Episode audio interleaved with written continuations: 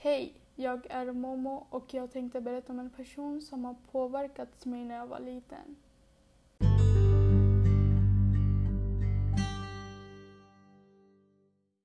Oppo och jag har känt varandra för åtta år nu.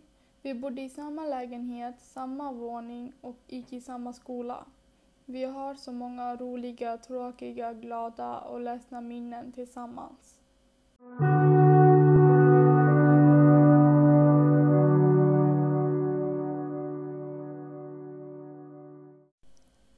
Han är en av mina familjemedlemmar, men ändå inte.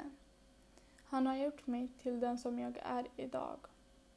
Han är inte min riktiga bror, men ändå ser vi varandra som syskon och kallar varandra för bror och syster. Han har alltid varit där och hjälpt mig. Mycket med allt. Både Oppo och hans familj har visat omtanke, intresse och på olika sätt har tagit hand om mig när jag växte upp med min mamma i Bangladesh. För mig är de som min andra familj. Hans föräldrar har alltid sagt att jag är deras dotter och de ser mig som om jag är Opos riktiga lilla syster. Jag har inga syskon, men så länge vi bodde i Bangladesh upplevdes det som om jag hade flera. Närmare bestämt tre, men det var Oppo som blev den som stod för mig närmast. Han är den enda personen på jorden som förstår mig bäst. Jag behövde aldrig säga något till honom. Han förstod allt när han såg på mig. Som en bror har han alltid funnits där när jag var ledsen, ensam eller hade svårt med något. Man kan säga han var lösningen för alla mina problem. Ibland gick jag igenom svåra situationer, men han lämnade mig aldrig.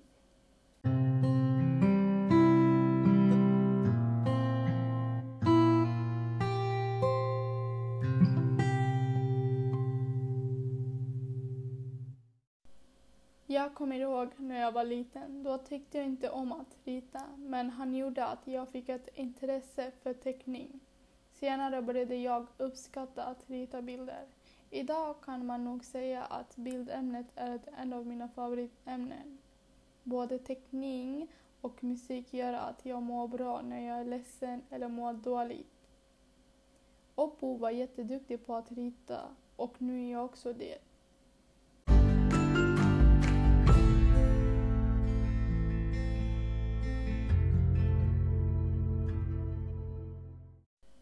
Efter jag hade flyttat till Sverige pratade vi inte så ofta. När jag var i Bangladesh 2017 kunde vi inte träffas eftersom han var bortrest då. Förra året, när jag åkte till Bangladesh, träffades vi äntligen igen. Jag var också hemma hos hans familj i många veckor. Vi var äntligen alla tillsammans igen efter alla dessa år.